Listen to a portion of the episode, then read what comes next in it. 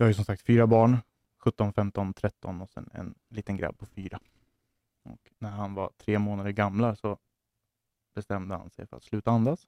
Nej, han bestämde sig inte för det, men helt plötsligt satt min sambo och lekte med honom på golvet och så bara Robin, det, det händer någonting. När var det här? Midsommar tre år sedan. Mm. Fyra år sedan. Fyra år sedan. Mm. Eh, och sen händer det igen. Och vi åker in till akuten. Och på akuten får han ett tredje anfall. Och två veckor senare så visar det sig att det är epilepsi. Mm. Eh, att han har en, en omogenhet i hjärnan. Den är, han är helt frisk idag och Mm. medicinfri och mår toppen. Tack och lov.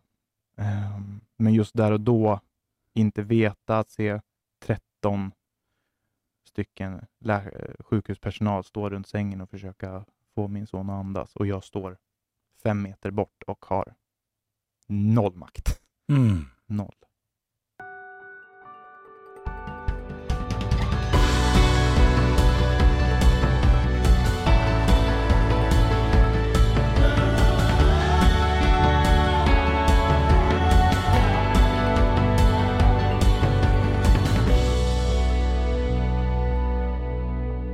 Så Robin, är, är, är du döpt efter Batmans polare? Nej, det är jag inte.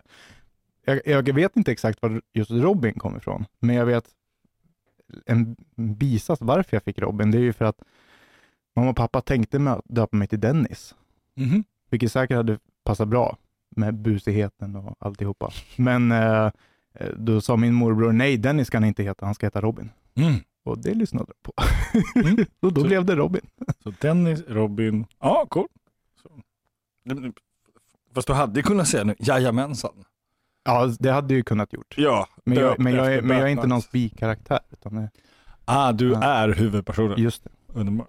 Du, eh, vad fint att du kunde komma. Tack. Um, Tack för att jag Var fick bor komma. Eskilstuna kommer jag ifrån. Vad är liksom, om du skulle beskriva Eskilstuna? Oj. En stad summerad. Hmm. Kent. Ja, Kent absolut. eh, har funnits en stor del i mitt liv, absolut. Mm. Eh, Känner du honom? eh, har kompisar som känner bandet, men aldrig träffat dem personligen. På tal om att det här att ha skuld och skam och känslor i alla fall närvarande, så texten har jag vuxit upp med. Och, Mm. Eh, och nu blankar jag på låttiteln, men det finns en textrad som är eh, Kom nu, jag är kroniskt låg. Mm. Den rimmade väldigt mycket med mig under tonåren. Vet Mm. jag. Den eh, Mm, vi, ska, vi, vi, kommer dit. Ja, vi, vi kommer till en kronisk... jag djupdök direkt. Ja, alltså herregud, du är snabbare än jag. Eh, kroniskt låg barndom skriver jag här. Mm. Så, då, då, den, då den med. Då sitter den där. Hur, hur kommer det sig att du liksom har hittat hit? Börjar? Eh, Bra fråga. Alltså, om vi, jag har ju varit en, eh, följt mycket av Navids arbete länge, Modiri. Gett mig jättemycket, både eh, Hur kan vi och eh, hans samtal med Björn. Mm. Ehm, och sen var ju han med här. Så det var första kontakten, så fick, tänkte jag säga, jäklar vilken cool person Alex verkar vara. Mm. Ehm, och eh, håller ju själv på med coachning Mm. och eh, började då lyssna typ utifrån ett perspektiv, hur kan jag lära mig skit här som gör mig bättre? Hur kan jag lära mig skit här som gör mig bättre? Just det. Det, var, det där var Good en shit, antites. alltså. Menar good good shit. Hur, Ja. okej, hur jag kan lära mig bra saker menar Ja, precis. Ah, Förlåt. Eh, det var det jag menade. Det var inte det jag sa, men det var det jag menade. Bra att du läste det där.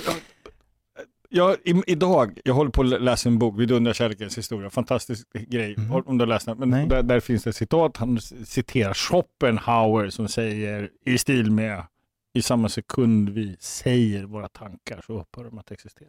Mm. Alltså upp, upphör de att få kraft och betydelse. Tycker det det. är intressant. Mm. Så, så, så, så i huvudet så kanske det lät som någonting annat, men det blev shit. Det blev, jag brukar prata om det. Vad, vad är praktiskt bra skit? brukar- Praktiskt bra skit. Ja. Ehm, nej men så då hittade jag dig och sen har jag nog lyssnat på de flesta av avsnitten. Ja. Mm. Och sen kommer du och jag i kontakt gällande eh, ämnen som Mm. kan vara jobbigt för många. Okej. Och eh, sen bestämde vi oss för att, men ska vi inte ta, ta ett snack? Ja. Så vad var det som lockade med ämnet? Just då så var det så, det var lite så här faith alliance, alltså ödeskänsla. För att när du skickade ut den posten så hade en av mina vänner, eh, att kanske ska säga temat är självmord. Självklart. Mm. Eh, Då hade en av mina vänner precis två veckor innan valt att avsluta sitt liv. Oj. Så då blev det så här, men gud vad viktigt att kunna prata om det här. Mm. Var, varför tänker du att det är viktigt att prata om självmord? Jag tror att dels så var du inne på det. För att så fort vi börjar prata om det så får det så pass mycket mindre kraft över oss. Mm. När vi kan prata om det och ha lite distans till det. Se Mm. det från en tredje perspektiv. Så blir det så pass mycket lättare att hantera. Mm. Eh. Sen tror jag att det är många, jag tror att det är så otroligt individuellt å ena sidan. Storyn man har som leder en till de typerna av situationerna i sitt liv. Mm. Och jag tror att det också är så otroligt lika för många. Mm. Båda och samtidigt, inte antingen eller, utan båda och. Ehm, och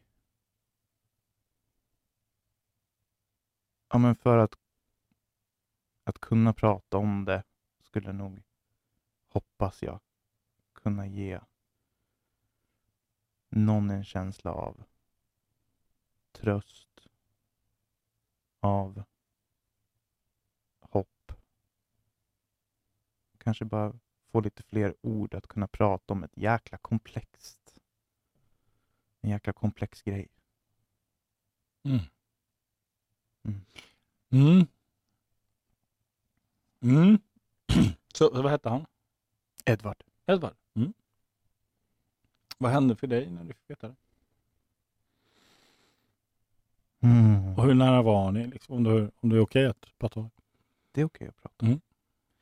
Ehm, men ganska svår fråga. Alltså, vi skulle... Han visste ju om att jag coachar och föreläser. Och han eh, var en, på tal om busighet, en jävla sprallig liten skit när han mådde Mm. bra. och han var så här, Robin, vi måste göra det här. Vi måste ut i skolan och prata om mäns psykisk ohälsa. Ehm, när han liksom hade orken och när han var, när han var där. Och, ja, men, var, ja, direkt, självklart. Awesome. Det här är någonting som jag verkligen vill göra. Mm. Dels, han tyckte också att det var ganska nervigt, och dels vill han ha coachning själv. Att liksom kunna lyckas göra det. Men dels också att vi skulle göra det tillsammans, tillsammans med en, en till kompis. Eh, vad gick jag igenom när jag fick reda på det? Men det var nog allt på en gång. Så hur fick du veta? En, en gemensam vän till oss, eh, en av mina coacher, eh, MMA, det är därifrån vi känner varandra. Eh, en av mina MMA-coacher hörde av sig. Eller jag, jag, jag började märka att det rörde sig väldigt mycket i kommentarsfält och sådana saker. Men det var ingen som, ingen som visste än. Och då ringde jag den som jag visste skulle veta. Och han bekräftade direkt. Mm. Så jag ringde och tog reda på det. Ehm, nej men som sagt, jag gick igenom hela känsloregistret ganska kavalkadmässigt tror jag. Mm. Det blev en hel del ilska eh, i form av våra genuina och transparenta samtal som vi haft innan. Mm. Hur kunde det Hur kunde vi inte ha pratat mer? Så en del skam, säkert från min sida också. Hur kunde jag ha varit där mer? Eh, sorgen över att inte träffas igen. Mm. Liksom att det var sånt slut.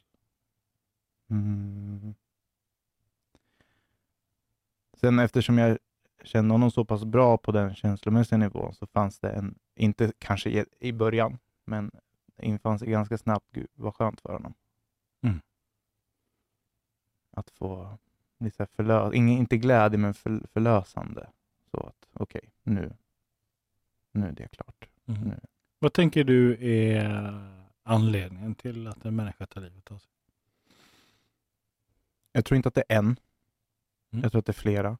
Ehm, En kedja Men- av händelser eller kedja av känslor? Eller är det... nej, händelser tror jag inte alls på. Nej. Eh, utan känslomässiga reaktionen på det.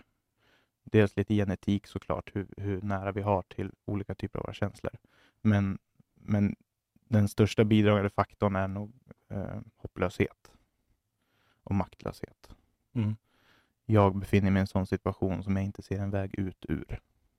Mm. Ehm, och att man inte känner att det är värdefullt längre att fortsätta. Mm. Skulle du säga att, att man liksom, det är när man är deprimerad, det är då man också tar livet av sig? Alltså att depressionen är en liksom, viktig faktor. Vad jag är ute efter Robin, Mm. Eh, det är, ehm, för, för en reflektion jag själv har gjort när det gäller självmord, det är ju att det är ju en våldshandling. Mm. Alltså handlingen är en våldshandling. Mm. Eh, så jag undrar ibland om det inte är ilska. Mm. Att, att man, man eh, slår ihjäl sig själv. Alltså Mm. att det är, det, är, det är det det är. Vad tänker du om den? Spontant så tänker jag att jag inte skulle hålla med. Mm. Just utifrån att ilskan är så pass handlingskraftig. Att, att ilskan, den behöver såklart inte bli assertiv, alltså att den är, ja, det är väl bara ett annat ord för handlingskraftig, men eller att den tar för sig. Mm. Men jag brukar oftast prata om att ilska är en, i 95 procent en marktäckare. Vad menar du med det? Det- Marktäckare? Ja, det fick jag av, av, en, av en handledare en gång i tiden. Fantastiskt begrepp. Just att den lägger sig över eh, marken av andra känslor som ett täcke. Så Mm. att det du egentligen känner är sorg. Men Precis. sorgen är så pass... Den är, den är inte så energirik. Så Mm. den behöver oftast kroka an på en känsla som den känner att ja, men här kan jag få fart. Mm. Och använder sig då av ilska för att någonstans kunna komma vidare. Mm. Eller skam, eller rädsla, eller vad vi nu har för känsla. Mm. Ehm, och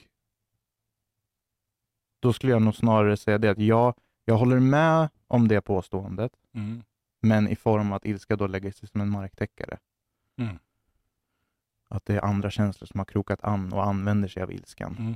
För då, för att kunna göra, men jag tror att det är mest sorg.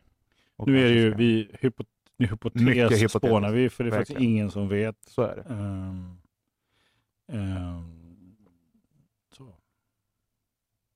Mm. Ja, jag har ju själv en bror som, som, som inte lever eh, av exakt samma anledning. Eh, och jag har ju haft, jag känner igen precis det du beskriver, det här med, med hopplöshet. Eh, alltså när, när, när väggarna blir eh, som i Star Wars, första Star Wars som kom när de är i soprummet. Liksom. Ja. Den här, eh, den, när, när, när, upplevelsen av maktlöshet finns där. Det. Det. är en sån, den är viktig att Mm. adressera. Eh, sen den här handlingsförlamande depressionen, eh, den, den, den långvariga, har man gått länge så, så händer det någonting med hjärnan, med själen, med kroppen. Mm. Eh, Men jag är fullständigt övertygad om att ilskan är en avgörande komponent Mm. för, eh, för det som sen händer. Mm. Så, för, för liksom. mm.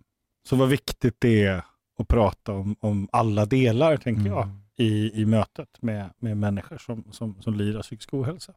Att man inte fastnar i att ah, du är deprimerad, eller, utan man faktiskt tittar på en, en helhet. Så. Ja, det är, det är ett sånt stort begrepp. Ja. Och återigen så individuellt. Mm. Depression tror jag kan vara så pass många olika saker. Mm. Eh, och att då liksom på något sätt, så här, här är depression, så hanterar vi det. Mm. Ett, två, alltså det är ju så orimligt. Exakt. Men då är det ju precis så det ser ut. Tyvärr. Mm. Mm. Ja, okej. Så, eh, tack Robin för det. Ehm, så vad är din relation till Edward idag? Mm.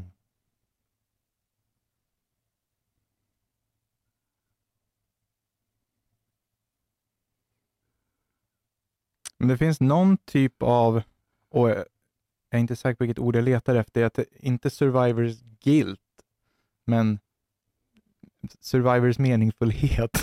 Det är liksom att, att fortsätta det som, som han ville börja på.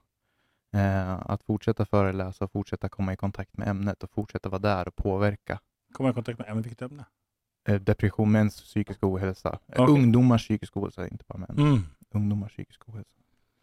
Eh, och i förlängningen psykisk ohälsa överhuvudtaget. Ehm, sen finns ju han kvar i så pass av många relationerna. Eftersom vi hade så pass många gemensamma vänner så att han finns ju med i alla, Mm. i alla de relationerna fortfarande. Mm. Mm. Mm. Vad tänker du att vi ska jobba med då?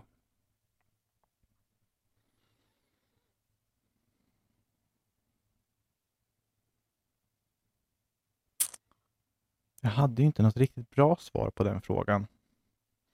Ehm, jag har ställt mig och rannsakat. Eh, Om jag får dra ett sidospår först. Kör. En ganska magisk grej hände. Ehm, och det är tvådelat. Dels så kände jag så här, men gud vad ska jag prata om? Och då kände jag så här, men gud vad mycket jag är färdig med. Det fanns en så jävla mycket stolthetskänsla i mig. Där det var så här, och jag har tagit tag i många delar av, av mitt liv.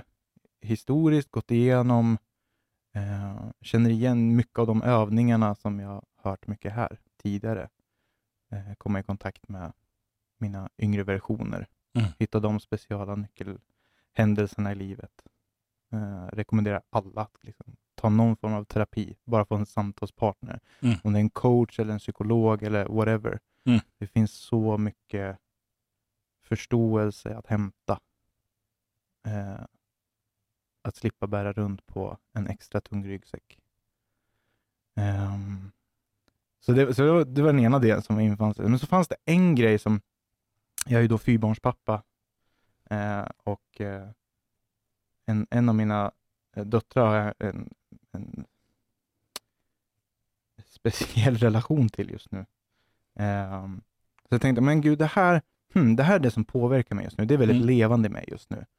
Och då hade jag återigen den här mentaliseringen. att, Men nu sitter jag framför Alex och så frågar han mig, okej, men så vad, eh, hur, hur, vad säger hon nu då, din dotter? och då skulle jag då, i mentaliseringen säga, då hade jag ingen bra svar på det. Och då coachade jag mig själv, bara, men varför har du inte pratat med henne Mm. om det? För det var eh, en, en lång period. Mm. Och då för en vecka sedan så eh, hade jag den ingången. Mm. Du, jag ska till en av mina förebilder inom coachningen Mm. och tänker att det här är det som är levande mig just nu. Vart befinner du dig idag just nu Mm. gällande det här ämnet? Och vi hade ett av de bästa samtalen Mm. ever i typ en timme. Som avslutades med att bara, men pappa tack för att vi hade det här samtalet, det var jättefint. Ja, fint. Ja, det var helt magiskt. Så du blev klar med den? Känslomässigt så är jag på en så jävla mycket bättre plats där nu. Men jag, däremot så kan man ju prata om just vad som triggar mig eh, i den situationen. Det har jag rätt bra koll på. Mm. Eh, Jag är nyfiken på en sak. ställ frågan. Hur mår du? Jag mår helt fantastiskt. Mm. Berätta. Mm. Vad lägger du i det? Jag fyller mitt liv just nu med så jäkla mycket coolt shit. Shit. Shit igen. Um, jag har verkligen lagt tiden på att reflektera. Jag kommer ihåg jag hade en intervju inför en MMA-match jag skulle gå. Uh, men, uh, om du inte höll på med MMA, vad skulle du göra istället? Det jag svarade att jag har inte så många kärlekar i livet, men de jag har lägger jag all tid på och inget annat är värt att lägga tiden bort från det på. Mm.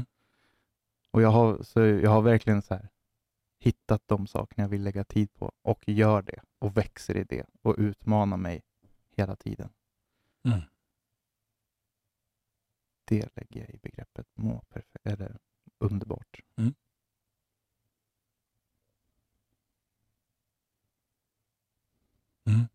Så, ehm, om, jag, om jag hittar på då, Mm. för det här var hittar på, Hitta på.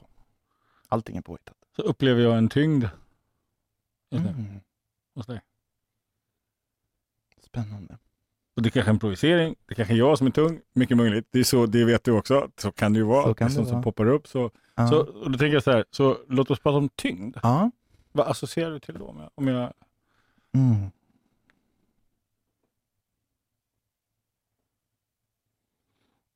Men så här wordplay, om man bara skulle så här fritt associera, mm. då tänker jag val.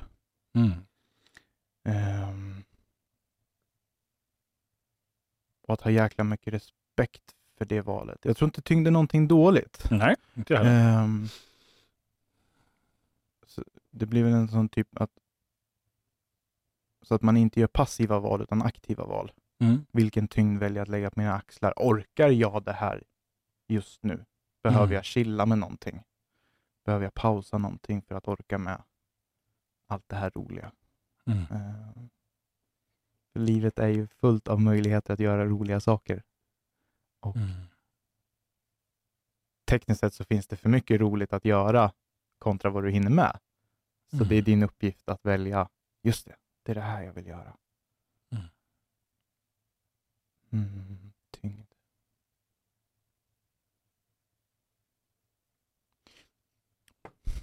Men om vi fortsätter på spåret att tyngd inte är något negativt, Mm. så skulle jag nog absolut skriva under på att jag befinner mig i en period just nu där jag har på mig väldigt mycket vikt. Mm.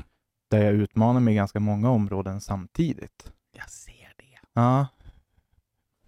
Mm. Och eh, ja, Vad händer nu? mm, reflektion. Mm. Eh.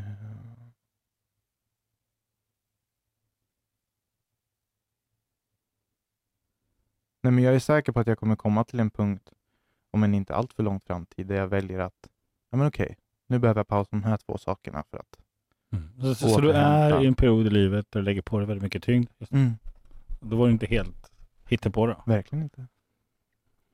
Ehm, och om du, om du bara låtsas att du, du, du, är hos en coach. Säg. Till exempel. Ja. Och, så, och så tänker jag att vi ska, vi, vi ska jobba med något. Vad tänker du vi ska jobba med då? Du som inte hade något att jobba med. Nej men precis.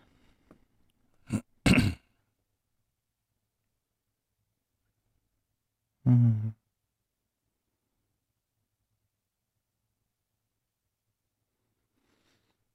Hur kan jag ha den känslomässiga tillgängligheten att känna att göra valet, men nu behöver jag pausa. Innan det istället bryter över och att det blir... Att Vad är det som gör att det, att det är tyngd? Just nu har jag mycket tyngd på mina axlar. Rent konkret. Ja, och som är konkret, då, vad, vad är det? Mm. Vad, liksom, Min coachningsfirma och föreläsningsverksamhet. Firma, föreläsning, yes. Mm. Eh, familj Mm. lägger jag väldigt mycket tid och energi på. Eh, kampsporten. MMA-match. Förhoppningsvis om en stund. Mm. Mm.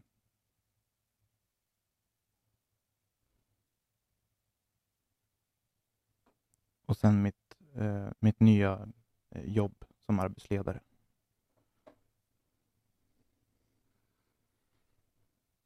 Okej, så du driver firma, Yes. du föreläser. Mm. Ja. Om? Eh, jag försöker ändra folks uppfattning om lycka. Lycka är inte ett eh, riktigt begrepp. Vi kan lyckliga som ett verb. Lycka är inte ett substantiv, lycka är ett verb. Mhm. Det, det är någonting vi gör. Ja. Det är, det är ingenting man är. Det har Hollywood hittat på. Ja. Mm. Du behöver inte föreläsa för mig. Nej. Hur fan Eh. blir jag lycklig då? Heter Ja. den. Ja. Eh, familj, Mm. eh, kampsport MMA och ditt nya jobb som arbetsledare. Mm. På ungefär typ av arbetsledare för... Eh, saneringsfirma, Mm. asbestsanering. Mm. Eh, precis tagit steget från att vara eh, på golvet och äntligen kunna kliva upp i en, en Ledarroll. led, ledarroll. Du ska gå en utbildning, det vet du va? Du, du känner till den va? Mm. Den jag håller? Ja. Ja, bra grejer. Mycket bra. Det ser jag fram emot att ha det på. Mm. Eh, det borde ju vara ett obligatorium. Alltså att man, ja, Gå hos Alex när du ska vara arbetsledare. det, när man blir chef. I alla fall. Eh, det är ju lätt för mig att sitta här och tycka, men, men, men fakta säger, säger inte emot, om jag säger så. Verkligen Ehm, inte. Men du, och sen, du har massa grejer. Mm. Eh, så, så vad är tyngst? Om, om vi, liksom, vi viktsätter Mm. det här. Det är en, två, tre, fyra, det är fem grejer. Låt mig säga att det är 20 kilo var och totalt 100 kilo på ryggen. Mm. Jobbigt att gå omkring med. Mm. Så, så, liksom, så, så du ska fördela 100 kilo, eller 100 kilo här. Ska du fördela. Mm. Om jag pausar, för nu började jag reagera lite på vikt och det kan vara min tolkning helt och Ja. hållet. För, Nej, där, det är min tolkning också. för, för någonstans, jag tänker nog mer tid. För Mm. att jag blir inte, Mm. det är inte tyngre. Jag skulle vilja säga att jag lägger mest tid på familjen. Ehm, eller energi på familjen. Men det är ju inte det som är Okej, nu, har vi, tyngst, nu, har vi tre, nu har vi tre parametrar här. Nu har Ja. vi tid, vi har energi och vi har vikt. Vi Energi. börjar med ordet Energi, energi. Ja. Okej, så vi har 100% energi vi ska Ja. fördela. bättre. Ja, så var någonstans? Lägger jag mest? Ja. Ehm, 30 familj och 30 jobbet. Arbetsledare eller Ja. coach? Jag är arbetsledare. Coachingfirman har jag på sidan. Mm. 60.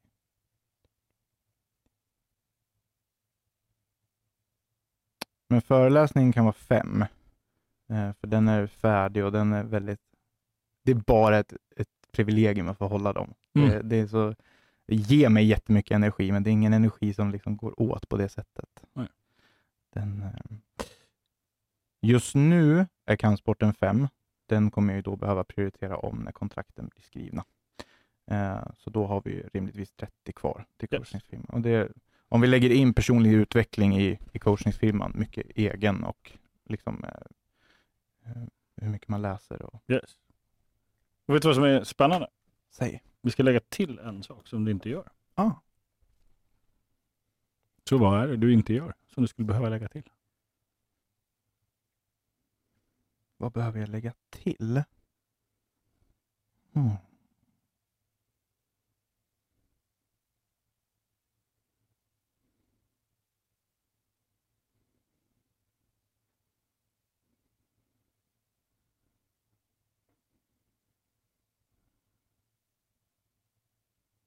Nej, det rimmar inte alls med mig. Vad ska jag lägga till? Så var det vi började prata om? Och psykisk hälsa Mhm. Och vänner va? och vänner. Mm.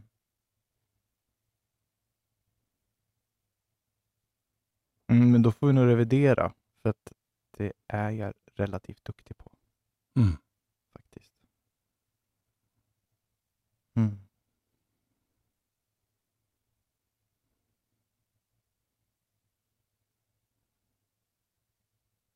Vad tänker Att vi kan ta bort 10 från firman? Sådär. 20 på firman och sen så 10 på sociala relationer. Så som det ser ut. Ja, just nu. Mm. Cool. Det är det som är också spännande. Man sitter så här. Den här är ju väldigt, det här är en, en dagsincheckning. Så Mm. ser det ut just nu. Ja, absolut. Mm. Ehm, så så, så om, om jag hittar på och upplever tyngd hos dig, Mm. och då, då är det lätt att tänka ah, för vi har precis pratat självmord och sådär. Nej, det är inte, det är inte den. Nej. För där, där är jag klar. Jag, liksom så. Men, men ehm, det är någonting hos dig. Mm. Så. Eh, det är någonting som pågår. Det är någonting som finns där, Mm. här. Mm. Du har lätt till känsla i Mm. ögonen. Jag vet inte om det är ledsen eller glad eller nervös eller berörd. Men det är någonting som pågår och jag blir nyfiken på det. Mm. Vad, vad är det du sitter med? Vad, är, vad, vad handlar ditt liv om just nu? Vad är det för process du går igenom? Liksom? Vad är viktigt? Liksom? Så. Vad, har- vad har du framför dig Robin?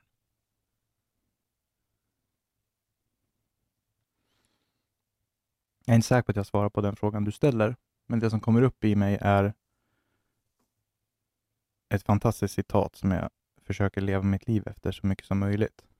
Att vi människor, vi lever två liv. Mm. Och det andra börjar när du inser att du bara har ett. Just.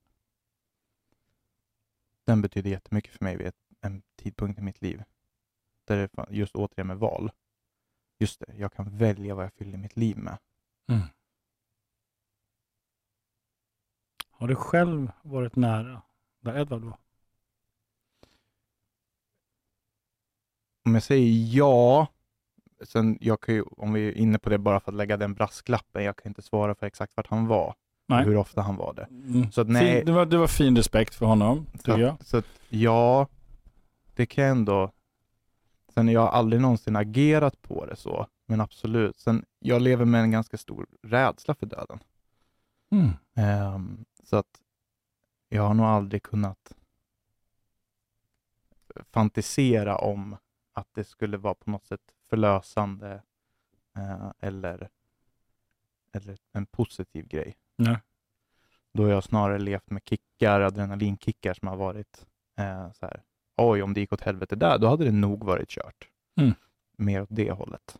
Mm. Eh, mm. Men tillbaks till Kent, så har det absolut funnits en sån där för det, det som rimmade så väl med den textraden, kroniskt låg, det är just den här kroniska. Mm. Att det här är för alltid, den känslan, den hopplösheten. Eh, att det här Mm. kommer fortsätta. Mm. Eh, Så du vet vad det är och du har varit där. mm. På ett sätt i alla fall. Ja, vilken ålder då? Mm. Nu får vi nog återigen bena upp det. Såklart. Eh, känslomässigt så var det mycket mer i tonåren. Mm. Eh, tanke, men då tror jag inte att jag hade lika bra koll på det. Eh, vad det var. Då var det nog bara, just det, så här mår man. Det, det är så här det är. Eh, och när jag väl mer kunde sätta fingret på vad den känslan var med hopplöshet eller maktlöshet. Mm. Då var det lite mer kicksökande. Så. Men då är vi liksom uppe i 25. Så du vet att du kan ha tillgång till den känslan? Mm. Mm. Och maktlöshet är ju en av de jobbigare känslorna att deala med, tycker Mm. jag. Och vad, för, vad menar du för typ av maktlöshet? Och den har nog uppträtt på, i många olika situationer. Eh. Mm. Jag har ju ett exempel som var... Jag har ju som sagt fyra barn, 17, 15, 13 och sen en liten grabb på fyra. Och när han var tre månader gamla så bestämde han sig för att sluta andas. Nej, han bestämde sig inte för det, men helt plötsligt satt min sambo och lekte med honom på golvet och så bara Robin, det, det händer någonting. När var det här? Midsommar tre år sedan. Mm. Fyra år sedan. Fyra år sedan. Mm. Eh, och sen händer det igen. Och vi åker in till akuten. Och på akuten får han ett tredje anfall. Och två veckor senare så visar det sig att det är epilepsi. Mm. Eh, att han har en, en omogenhet i hjärnan. Den är, han är helt frisk idag och Mm. medicinfri och mår toppen. Tack och lov. Ehm, men just där och då inte veta att se 13 stycken sjukhuspersonal stå runt sängen och försöka få min son att andas och jag står fem meter bort och har noll makt. Mm. Noll. Mm.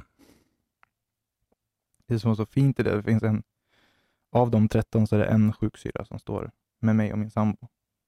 Och så lägger hon så handen på ryggraden. Ja, men bra på det. Gud vad beröring är kraftfullt. Några fyra år sedan. Mm.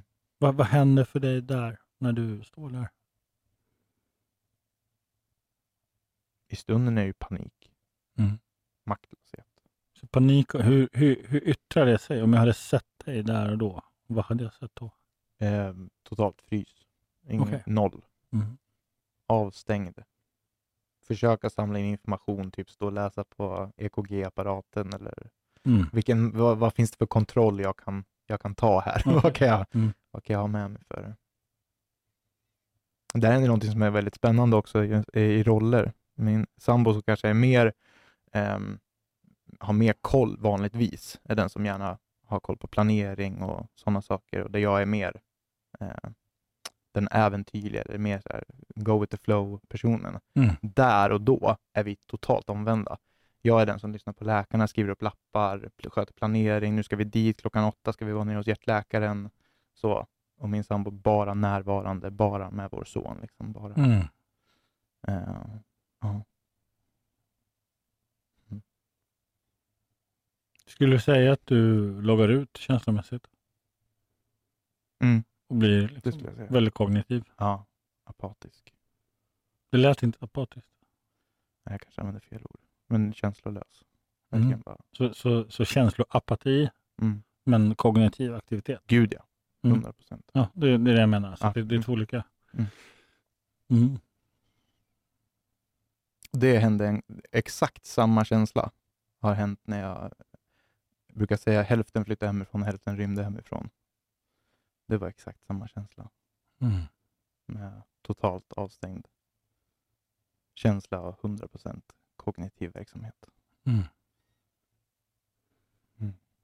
Ehm, och det som händer där och då, när läkarteamet ehm, jobbar med din son, vad heter han? August. August.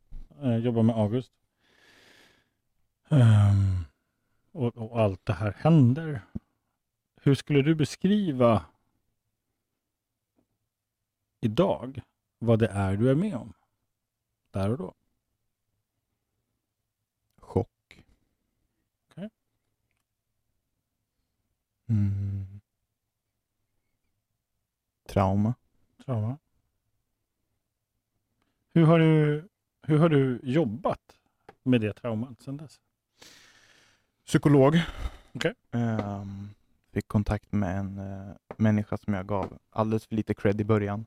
Som eh, till slut vi eh, hittade varandra.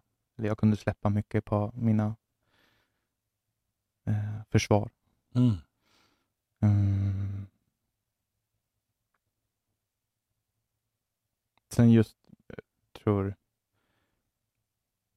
Alltså jag är en så otrolig extrovert person. Processar genom samtal. Jag, har nog, jag upplever att det är ganska svårt att på egen kammare sitta och eh, resonera mig fram i mitt eget huvud och processa känslor. Det tror jag inte någon kan. jag tror vi är olika bra på det. Ja, vi är olika bra på det, men jag tror inte någon kan det. Nej, Jag inte helt. inte- Nej, Det går inte. nej. Eh, för du, du, det blir bara en lösning. Mm. Och det var något som var väldigt viktigt för mig. Mm. Att ha väldigt fina kollegor på dåvarande arbetsplats. Och, Ja, så, så när du, liksom, du är med om chocken och traumat, du, du, du går i samtal, går psykolog. Vad är det du förstår om dig själv under den resan?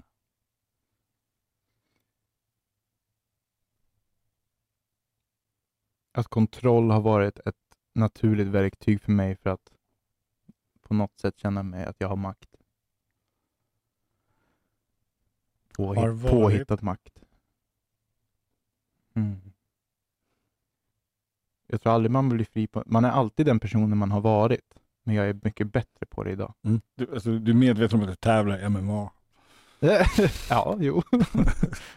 kontroll har varit ett verktyg för makt. Mm. Ja, Låt mig nyansera den lite. ja okej. Absolut. Det är klart det finns kvar i mig på Ja, olika sätt. och då är jag nyfiken på på vilket sätt. För vi ska tillbaka till din lilla lista här. Mm. På vilket sätt? På vilket sätt lever kontrollen i dig idag? Ja, men då går vi tillbaks till min, äh, citatet. Jag kan vad väljer jag att lägga min tid på? Mm. Eh, hur kan jag om tio år titta tillbaks på dagen idag och känna att där gjorde du det bra. Varför är det viktigt för dig?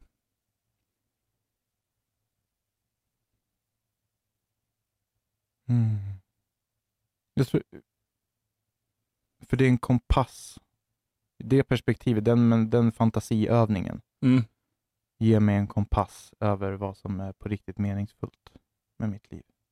Mm. Men, men varför är det viktigt för dig att kunna titta tillbaka och säga ah, jag gjorde rätt?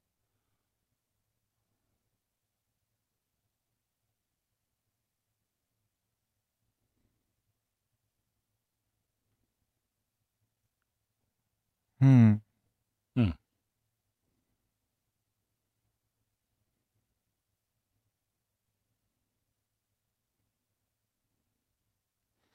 Nu nyanserar den också tror jag, för jag tror inte att om tio år att det kommer vara en värdefull övning att titta tillbaka och bestämma mig huruvida jag var stolt över det jag gjorde eller inte.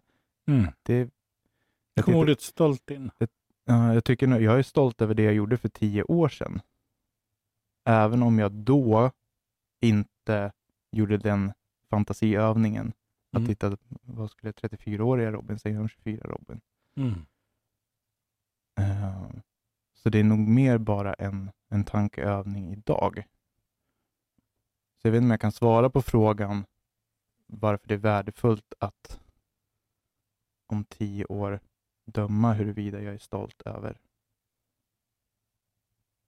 det jag gjorde idag. Ehm.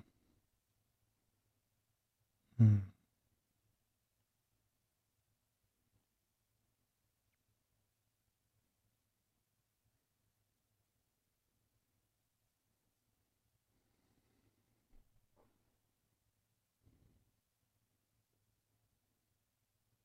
Vad händer? Jag försöker bolla lite vad jag vad är det jag får ut utav det.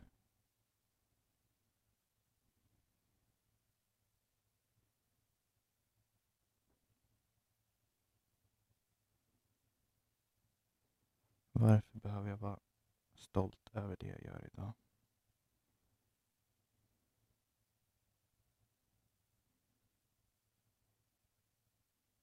Jag kommer inte på några bättre svar än att det är nice. Mm. det är Mm. nice att kunna att leva efter devisen, försöka vara, att vara stolt över det man gör. Mm. Mm, Vad skulle hända om, om du var stolt för den du är? just det.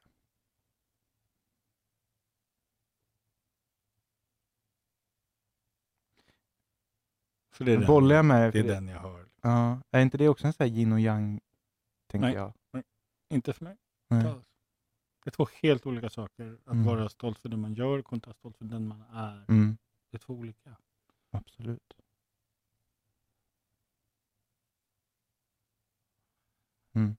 För om vi vänder på det. Mm. Om du var min coach Mm. och så sa jag så här. Jo, lite tyngd, lite mycket. Jag har fan, lägger 10% på mina vänner, 20% på coachingfirman. Ja, men egen utveckling är där. 5% ja, föreläsningar. Det är ett paket. Fan, färdigt, klart. Inte så mycket jobb. 30% familj. Tid är viktigt. Jag fokar på det. Eh, f- 5% på min kampsport just nu och sen 30% på, på mitt nya jobb som arbetsledare. Hjälp mig, vad ska jag göra? Vad blir ditt svar? Vad är det du hör? Jag hade nog allvarligt frågat huruvida du trivs med det. Just det. Mm. Och så skulle jag säga, ja men jag mår jättebra, jag är superlycklig. Ja, Vad säger du då? härligt. Vad är det du hör när jag drar det här?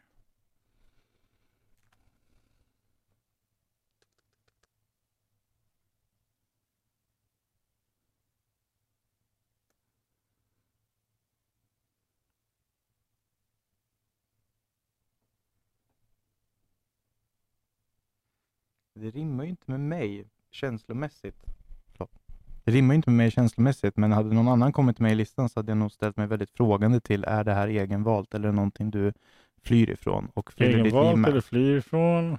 Yes, flyr från i ditt liv. Och, så, och sen, så, sen så har vi då ett samtal och det här samtalet kommer liksom landa lite grann i en mening. Så här, ja, kontroll har varit verktyg för makt.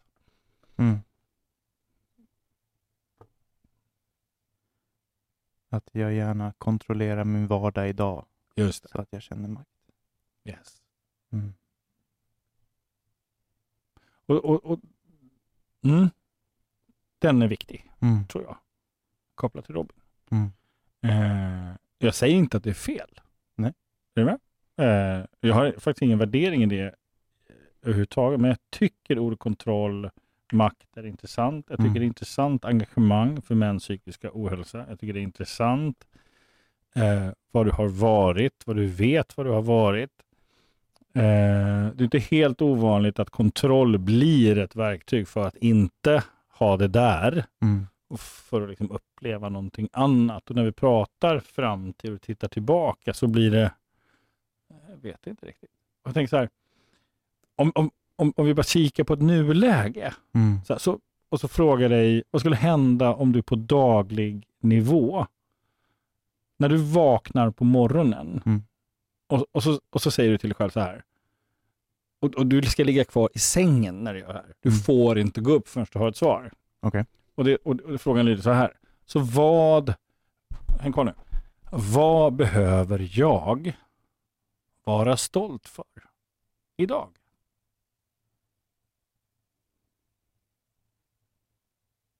Mm. Och du får inte gå upp ur sängen först du har svaret på det. Det som kommer direkt till mig är fin pappa. Mm. Att vara den pappan jag vill vara. Varför är det så viktigt för dig? Mm. Primärt två anledningar. Jag har två eh, antiförebilder när det gäller föräldraskap. Just det. Eh, en, en bror och en pappa. Mm. Och självklart nyanserat. Det fanns mycket fint hos dem båda. Så. Ehm, Så du vet precis vilken typ av pappa du inte vill vara? ja, så började det. Och sen sitta sig ner och så här, så vad vill jag vara då? Mm. Eh, närvarande och Mm. Hör du problemet med det? mm. Nej. Därför att du fortfarande är i relation till pappan. Det är sprunget ur det. Mm. Och då blir det ju, om, om, om jag har, så här ska jag inte vara. Mm. För det här är en anti-förebild. Mm. Så förflyttar jag mig hit. Då blir det jag vill göra istället, Just det. blir ju i relation till det där. Ja. Alltså fortsätter det bara. Mm. Så om man då frågar sig istället så här, så vem skulle du behöva vara som pappa för din skull? Mm. Precis.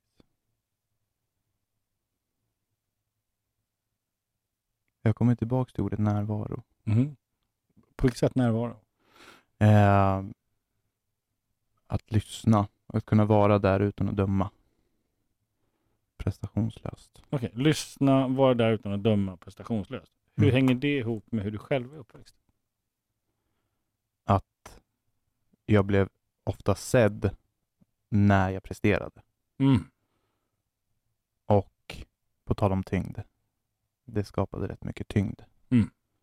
Så att då få vara värdefull utan att prestera. Mm. Det är den känslan jag skulle Okej. vilja att mina barn gick med. Yes, alltså så står ju den i direkt relation till vad du själv inte fick. Eller vad du själv fick. Ja. Mm. Alltså är det fortfarande det. Ja. Är du med? ja. Ja. Så vad jag är nyfiken på Robin, det är så vad skulle du idag behöva om du tar bort antiförebilden och tar bort liksom den där. Mm. Ta bort det. Vilken pappa skulle dina barn behöva? Mm. du var?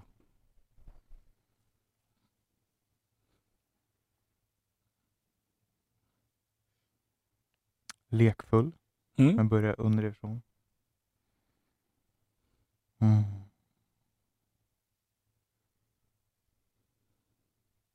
Involverad.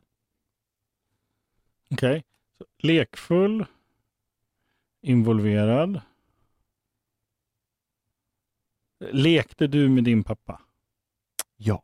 Ah, härligt. Involverad, var han involverad? Mm. mm. Du ska få en övning av mig nu Mm. och den vill jag att du ska göra. Och sen tänker jag faktiskt så här, jag tänker att vi ska ses igen. Spännande. Ja, för jag tänker vi börjar med dig nu. För jag hör någonting här. Ja. Ja, och för att det här samtalet ska kunna liksom fortsätta ja, så behöver du gå tillbaka just det. På egen kammare. på egen kammare, för du är, hur mycket den försöker övertyga mig om att du är en extrovert snubbe. Så, mm. Okej. Nej, du landar grejer själv Ja. också. Också. Ja. Mm. Eh, jag vill att du ska avsätta två timmar med varje barn. Mm. Mm. Och sen så ska du ställa den här frågan till dem. Och den här frågan lyder så här. Idag, vilken typ av pappa är det du skulle behöva? Mm. Mm. Och du får inte referera till mig. Nu sitter de hungriga med sina telefoner och vill lyssna på avsnittet, så jag behöver ha det jäkligt fort då, innan det kommer ut. Mm. Det vill säga att de får inte, svaret får inte bli du pappa för du är så bra. Just det. Mm. Den får inte hända. Det, det är inte den jag är ute efter. Nej. Utan, utan jag är ute efter att du ställer frågan kraftfullt till dem. Mm, jag hör vad du säger. Vad behöver du Mm. utav en pappa idag? Mm. Och så vill jag att du lyssnar på det och skriver ner det. Spännande. Så börjar vi där. För Mm. nu har vi någonting som jag tycker är väldigt intressant. Mm. Och det är, eh, eh, jag ska sammanfatta det då. Mäns Mm. psykiska ohälsa. Mm. Mm. Sonen. Mm. Fadern. Mm. Och brodern. Mm. Mm. Den tycker jag är spännande. Mm. Så det är ämnet på vårt nästa samtal. Kul. Cool. Hur var det här? Att sitta här? Mm. Nej, men det var mäktigt. Eh, jag hamnar nog en del i prestation där jag vill mer. Jag vill kunna vara en bättre klient eller Mm. vara... Ja, men jag, så. Mm. Ja, jag Så. hörde det. Ja. Jag vill kunna ge... Jag vill kunna ha någonting enkelt att coacha. Så. Eh, och känner inte att jag har det. Men det här blir jättespännande. Jag är lite taggad. Mm, bra. Ja. Mm. Och på något sätt så hänger det här ihop med det som hände dig när August, när du trodde att August skulle lämna dig. Mm.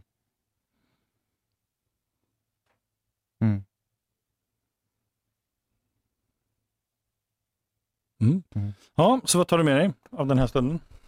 För att peka ut det självklara, övningen. Mm. Ehm, tycker det är fascinerande med att, att bolla liksom med energitanken. Att faktiskt återigen lyfta upp det till ytan och få syn på det. Vad är det jag lägger på? Och kanske varför? Och den tar jag nog också med mig och reflekterar lite över. Varför är det viktigt? Mm. Tänker mycket på prestation tillbaka till. Och så där. Vad fyller jag mitt liv med? Mm. Vad skulle jag göra om jag inte gjorde det jag gjorde?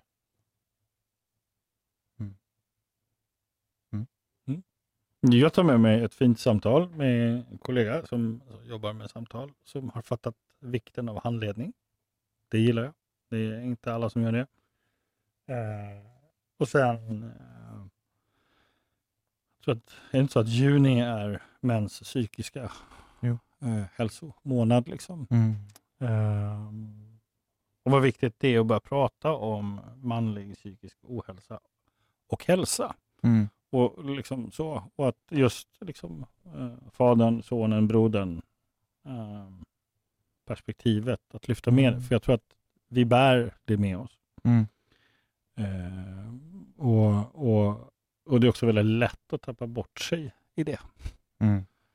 Eh, jag tar också med mig eh, fenomenet kring kontroll som verktyg för makt och hur, hur den kan nyanseras i, i relation till prestation Mm. energifördelning på aktivitet. Just det. Så. Ja, du, fint. Tack att du kom hit. Tack så hemskt mycket för att jag kunde vara här.